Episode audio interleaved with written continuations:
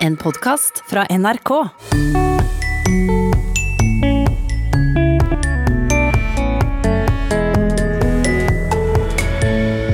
Hun er hele Norges mormor. Han er humoristen bak Flåklypa-galleriet. Rammen og baklengs inn i fuglekassa. Begge har 100-årsjubileum i år, og vi byr på en jubileumsspesial. Og det blir mer mimring i et gjenhør med den språkglade skuespilleren Gisle Straume. Vi er jo ikke enige om hva det heter engang, om det heter språk eller språk. Vel møtt til Språkteigen. Dagens sommermiks byr på et lunt møte med kjente stemmer fra barndommen. I alle fall for oss som har levd ei stund, men og for yngre lyttere. For Solan og Ludvig, Aurora, mormor og de åtte ungene er figurer som flere generasjoner har et forhold til. I vår jubileumsspesial markerer vi 100-årsjubileet til Kjell Aukrust og Anne-Kat. Vestli. Morn, morn. Det pleier jeg å si til deg om morgenen. Hele Norges mormor, Anne-Cath. Vestli, ble født 15. februar i 1920, og i februar i år møtte kollega Stein S. Eide universitetslektor Agnes Margrethe Bjorvann, som var aktuell med ny biografi om Vestli.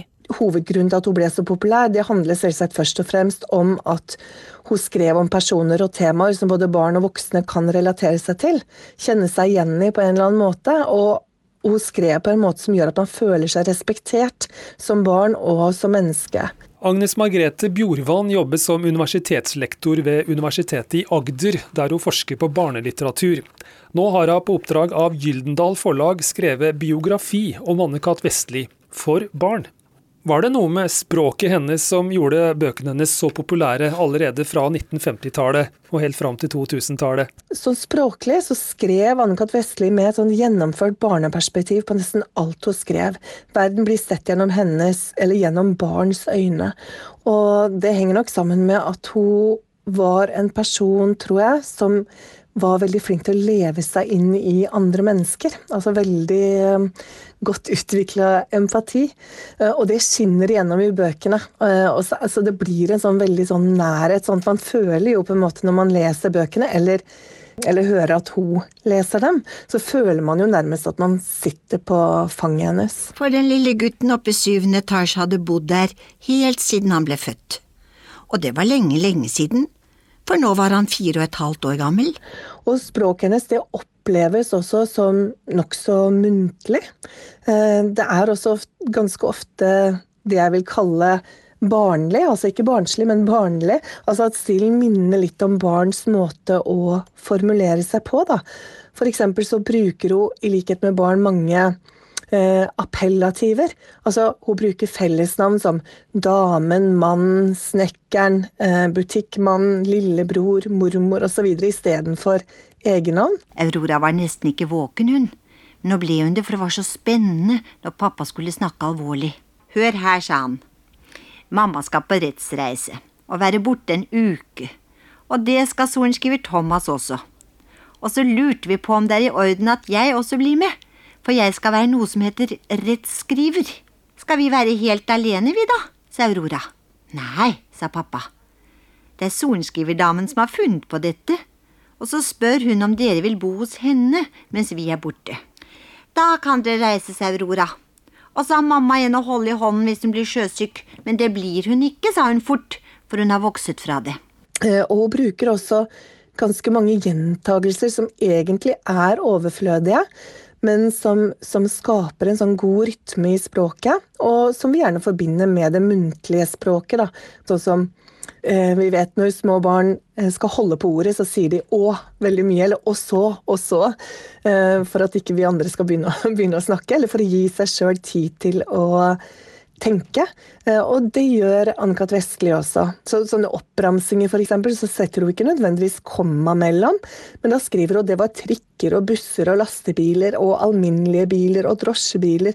Altså og, og, og hele veien.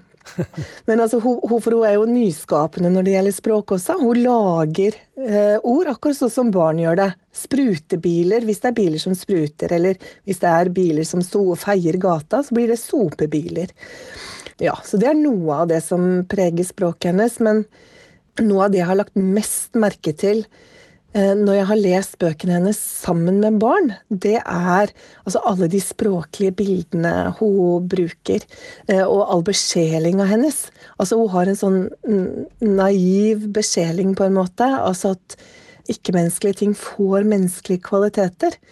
Og det er et trekk som viser veldig, veldig tydelig Anne-Kat. Vestlis enorme evne til å forstå hvordan barn ser verden. Hvordan barn opplever verden så utrolig mye mer konkret da, enn oss voksne. Og mange av disse beskjedene oppleves da som veldig sånn humoristiske for barn. Eh, eksempel så vil de fleste barn le høyt når vi leser om hvordan heisen kiler inni magen til det høye huset eh, da Ole Alexander kjører opp og ned med heisen, for han er ikke høy nok ikke sant, å trykke på den, den, knappen han egentlig skal klare å trykke på. Så han kjører heis opp og ned og opp og ned, og da kiler det i magen til, til huset. Rett som nå her sto det høye huset og snakket med seg selv. Du verden så stort og høyt det er, sa det, jeg er visst det høyeste huset i byen, og så mye rart som jeg er inni meg. Aller nederst i underetasjen har jeg vaskeri, og i første etasje har jeg melkebutikk, og så har jeg heis. Jaha, så fin er jeg at jeg har både trapp og heis og når heisen går opp og ned, da kiler det så skrekkelig morsomt inni meg at jeg må klukke Et annet språklig særtrekk ved Anne-Kat. Vestlis barnebøker er at hun snakker direkte til leseren, ifølge barnelitteraturforsker Bjorvann. Hun eh, bruker det vi gjerne kaller en sånn markert leser, eller markert tilhører. Altså hun, hun stiller spørsmål til leseren. Eh, eller hun sier du til leseren, sånn at vi føler oss inkludert i, eh, i fortellinga, da. Nå skal jeg snart begynne på det første, men det jeg tenkte på var at kanskje du er syk i dag og har god tid, og det er jo ikke sikkert det er noen hjemme hos deg som kan lese for deg akkurat nå. Det kan jo hende du er helt frisk også, da, og bare har lyst på en sånn fredelig liten stund på rommet ditt, eller i en krok av stuen. Kanskje du sitter i en bil? Da kan det også være greit å høre noen fortelle. Men nå begynner jeg å lese fra denne boken, som heter Åtte små, to store og en lastebil. Sjøl om handlinga i Anne-Kat. Vestlis bøker er fra Norge på 50-60-tallet, mener Bjorvann at språket i Anne-Kat. Vestlis bøker står seg godt også i dag. Uh, du, det, det, har vært veldig interessant nå mens jeg har jobba med biografien. For da har jeg snakka med ganske mange litteraturformidlere og mange foreldre. Og det er selvsagt forskjellige opplevelser, sånn som det er med alle bøker. Eh, men nå ganske nylig snakka jeg med en forelder som leste Aurora-bøkene med eh, sitt barn, og sa at det var bare At det fenga så utrolig. Eh, og, og at um, foreldrene da ble litt overraska over at så mange ting som den voksne egentlig trodde var på en måte litt sånn avdanka og avleggs, egentlig ble oppfatta som noe eksotisk og morsomt og spennende for, uh, for barnet i dag. Da. For det, det som er det fine med, med barn, at um, ting som vi voksne tror at har blitt veldig gammeldags, det kan barn oppleve som noe eksotisk og annerledes. Bare sånne ting som det å lese om noen som må koke bleier, f.eks. Eller som ikke har sofa i stua si, men som må sitte på kasser og spare til sofa. Altså ting som er litt annerledes enn sånn som de fleste har det i dag, da. Men er barn i dag interessert i å lese om forfatteren Anne-Cath. Vestli? Eh, vi, jeg får håpe det. Eh, og mange barn har altså eh, Forfatterskapet hennes har jo også fått en renessanse med de nye filmene som har kommet både om Knerten og 'Mormor og de åtte ungene'. Så det er klart at mange barn i dag kjenner Eh, en del av karakterene hennes, og de mest kjente karakterene, det er nok definitivt Knerten og mormor. Eh, men det er jo en fin inngang, det også, til å lese bøkene. Og så håper jeg jo at denne biografien også kan bli en sånn inngang til å bli nysgjerrig på bøkene. For en del barn blir nysgjerrig på bøker gjennom å få faktakunnskap om f.eks. en eh, forfatter. Det sa Agnes Margrethe Bjorvann. Vi skal inn i et annet fascinerende univers.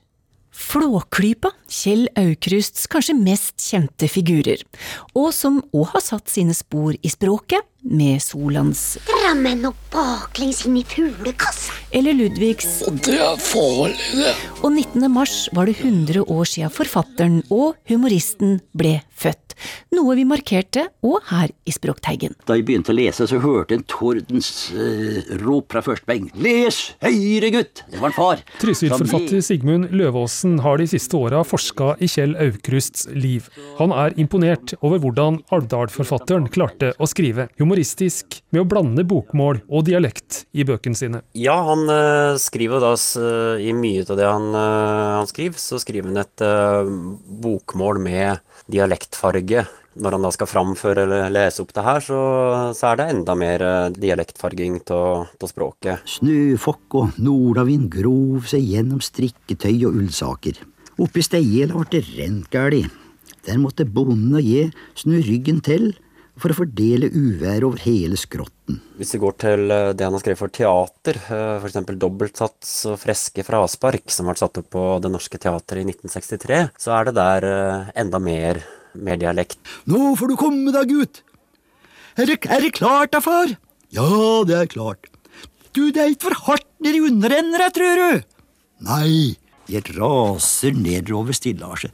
Der kommer hoppkanten farende mot meg, tårene triller som mørkt og nei og nei at jeg skulle ha funnet på dette. Det bærer rett ut i vær og vind, skiflisene får et blaff over kuren, jeg fekter avsinne med armene, kroppen er ubøyelig i alt papiret, det frater og knitrer i emballasjen ved genserne. Jeg gir opp mitt gisp, blinder at øya smeller i bakken så avisen fyker. Først nede i overgangen stiller det hele av. Far kommer akende nedover. Dette så stygt ut, det, Kjell. Og hvor langt var det? stønner jeg, til den øverste nasjonen. Og, og, og langt er det? Det er 29,5, det, sa far. Noe som skiller seg litt ut, er da Flåklypa-universet. 37 mil nordover, litt øst og oppover, ligger Flåklypa. Ei lita fjellbygd under himmelhvelvingen, sjølberga med både dampysteri og campingplass, lokalavis og egen TV-sender.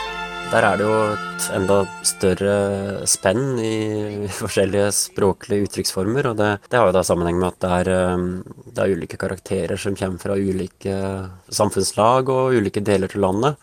Vøsvål, liten, gjeng og tusler, over ville nakne fjell. Ja, Halstein Bronskimlet, den aller yngste, for eksempel. Den store dikter, som nok er litt inspirert av Aukrust sin onkel, Olav Aukrust, er jo da fra Volda.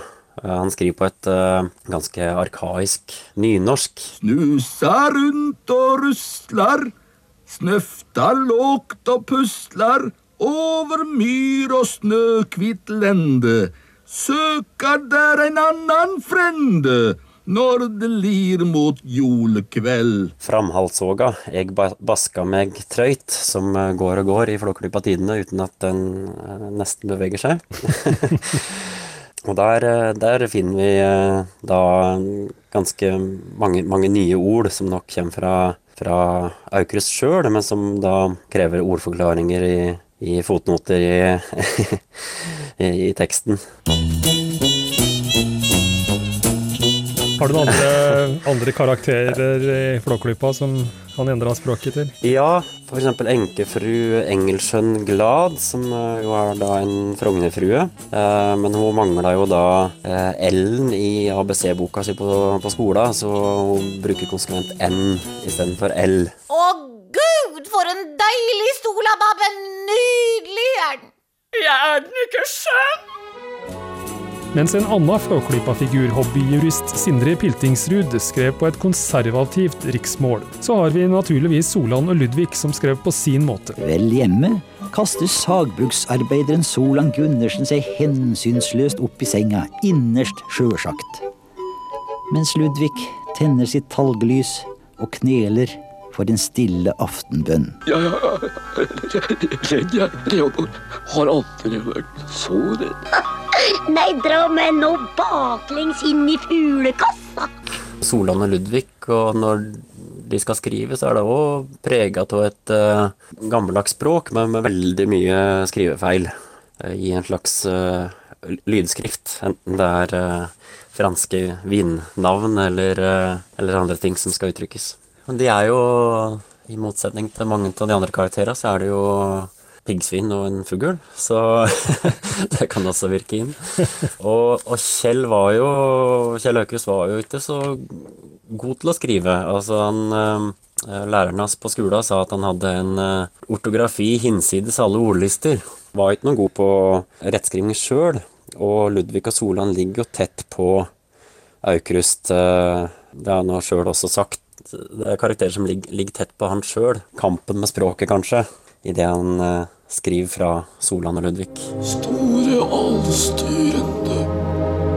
Takk for at jeg i dagens løp ikke er overkjørt. Kjell Aukrust skrev korte setninger, gjerne med et humoristisk poeng på slutten, som 'Ingen mat smaker bedre enn den en et sjøl', og Simen var min beste venn og har gjort mye rart. En gang gjorde han i brønnen. Ja, han jobba jo veldig mye med å, å, å skjære ned det han, eh, han, han, skrev. Og det var jo da Kari Aukrust, eh, kona, som var, var, var særlig framme med rødpennen og strøk når han hadde lagd sine, sine, utkast. Et eksempel han ofte trekker fram sjøl, er jo at han eh, skulle skrive om forskjellen på seg sjøl og bror hans, Odd Aukrust mye mer eh, skoleflink og skoleglad enn eh, det Kjell var. Og eh, han skrev og skrev. Kari Aukrust sa til ham at men det er jo ingen som er interessert i å høre om at du gjorde ditt og han gjorde datt. og alt det du skriver der, Kjell. Han gikk tilbake og strøk og strøk, og endte opp med setningen 'Bror min leste bøker frivillig'. Til Odd fra Kjell. Bror min rei papir av. Det skjulte Knoll og Tots julehefte. Mottakeren viste liten glede. Orkdal landsgymnas hadde gjort bror min til en kultursnobb. Kjell Aukrust debuterte i bokform med boka Simen i 1958, med historier fra oppveksten i Alvdal. Faren min overrasket jeg med sorger og sinnslidelser av doktor Hallesby. Det var en dyr bok. Han takket rørt. I romjula fikk en regninga fra Tynset bokhandel i posten. Sigmund Løvaasen mener Kjell Aukrusts språk har holdt seg forbausende godt etter over 60 år, i motsetning til mange andre forfattere. F.eks. For hans onkel Olav Aukrust, som kan, være, som kan, føre et språk som er vanskelig å trenge gjennom. Men øh, språklig syns jeg Aukrust stå, står seg godt, og er øh, lett tilgjengelig også for dagens, dagens lesere, også, også, yngre lesere. Språket det, det står seg og er øh, det, det er jo en gullgruve å gå inn i for å bli inspirert som forfatter. Og da, da tenker jeg særlig på Flåklypa Tidene og alle de ulike karakterene der, og, og, den måten de uttrykker seg veldig ulikt språklig. Kjell Aukrust, som døde i 2002, ville i år blitt 100 år. Aukrust-biograf Sigmund Løvaasen håper Aukrust-jubileet vil føre til at flere yngre vil begynne å lese Kjell Aukrusts bøker. Jeg håper jo flere kan uh, dukke ned i det Aukrust skapte, og la seg inspirere. Varmen som ligger i det, humoren som ligger der. Tenker da særlig på Alvdalstrilogien.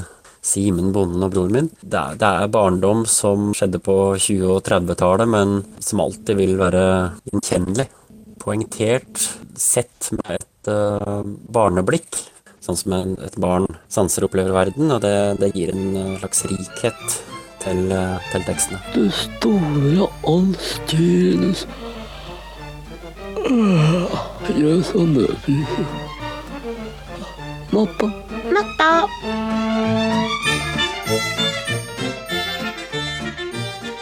Aukrust-biograf Sigmund Løvaasen ble intervjua av Stein S. Eide.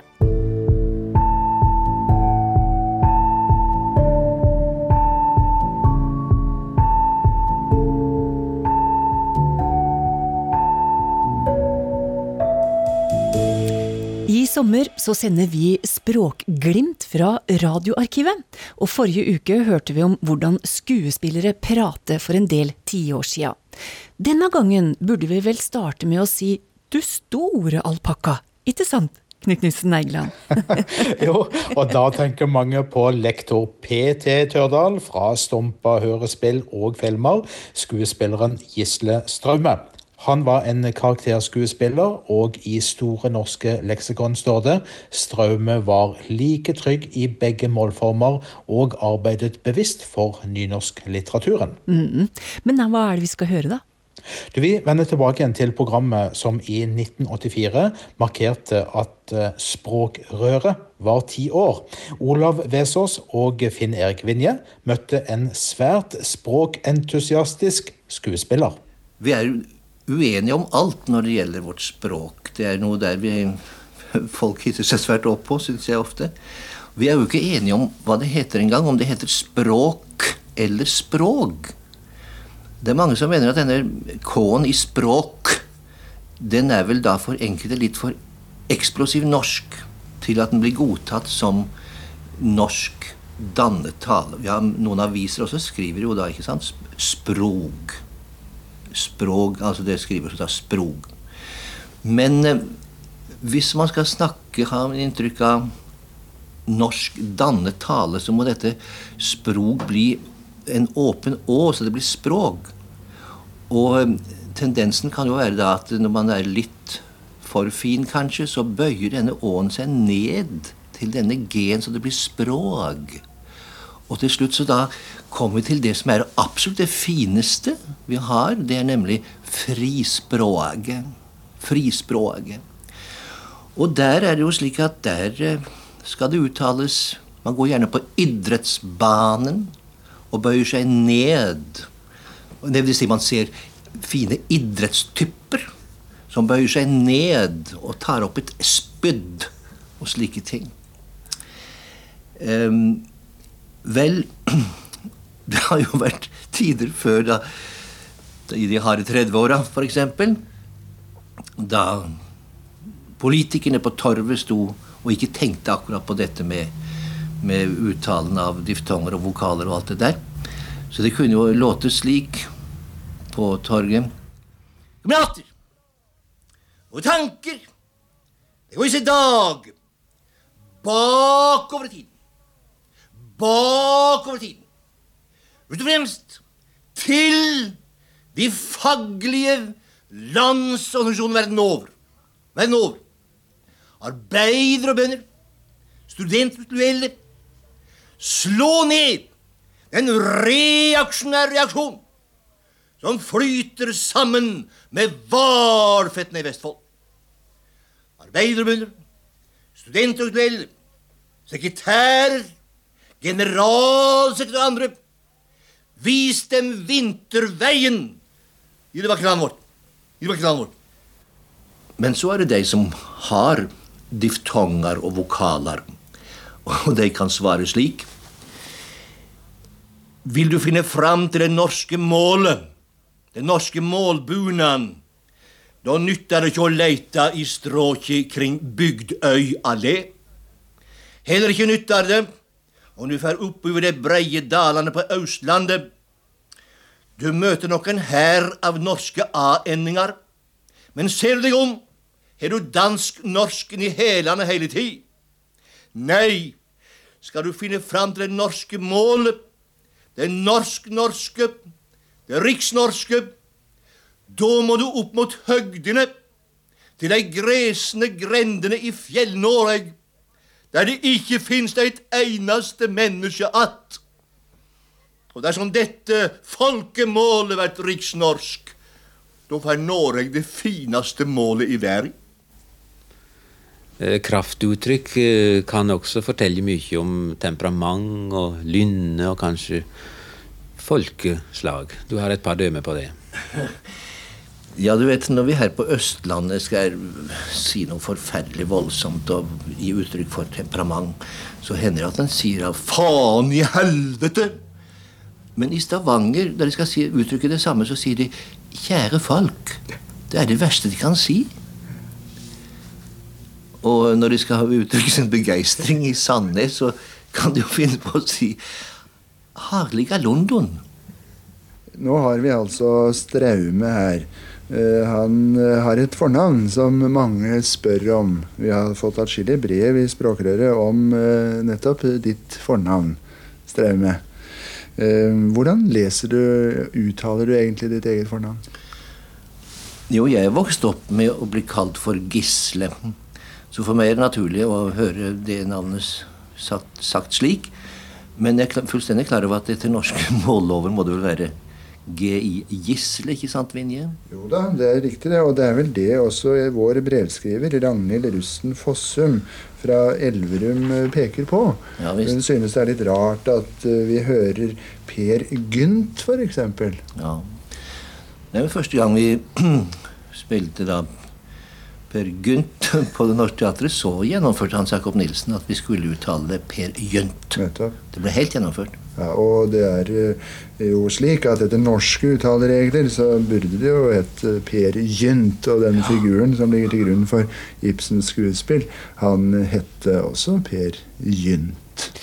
Du hørte altså Gisle Straume, intervjua av Olav Vesaas og Finn Erik Vinje i 1984. Og vi koster på oss et lytterspørsmål til, Knut. Ja, da går vi til 1980. Da fikk eh, Språkrøret dette spørsmålet. Magnus Dale i Levanger eh, har skrevet til oss, og vi skal høre hva han spør om. Det er lørdag kveld 16. august og tid for 20 spørsmål. En hyggelig programpost som en alltid hører på så sant en har sjansen til det. Men den dyktige programleder og de skarpskodde kloke hoder i panelet, da ville en på forhånd tro at det ikke ble prestert språklige feil i den posten. Og det gjøres vel heller ikke, det er vel jeg som ikke vet hva som er rett og galt. Men jeg må tilstå, jeg reagerte kraftig da programlederen ønsket auditoriet velkommen. Et fullsatt auditorium, her er til og med folk helt fra Kongsberg. Programlederen henvendte seg spesielt til folkene fra Kongsberg og sa det var hyggelig å se dere her. Programlederen sa var, men kan det være rett? Må det ikke hete er? Det er hyggelig å se dere her. Sendingen skal i samme øyeblikk gå på lufta. Hadde det enda vært ved avslutningen av programmet en takk for frammøtet, da hadde jeg forstått det. Det var hyggelig at dere kom. Men når programmet skal begynne Det er hyggelig å se dere her, eller hva? Ja, Sånn kan en jo spekulere på når en først eh, iakttar språket omkring seg, og dette er jo noe som det er verdt å stoppe opp ved.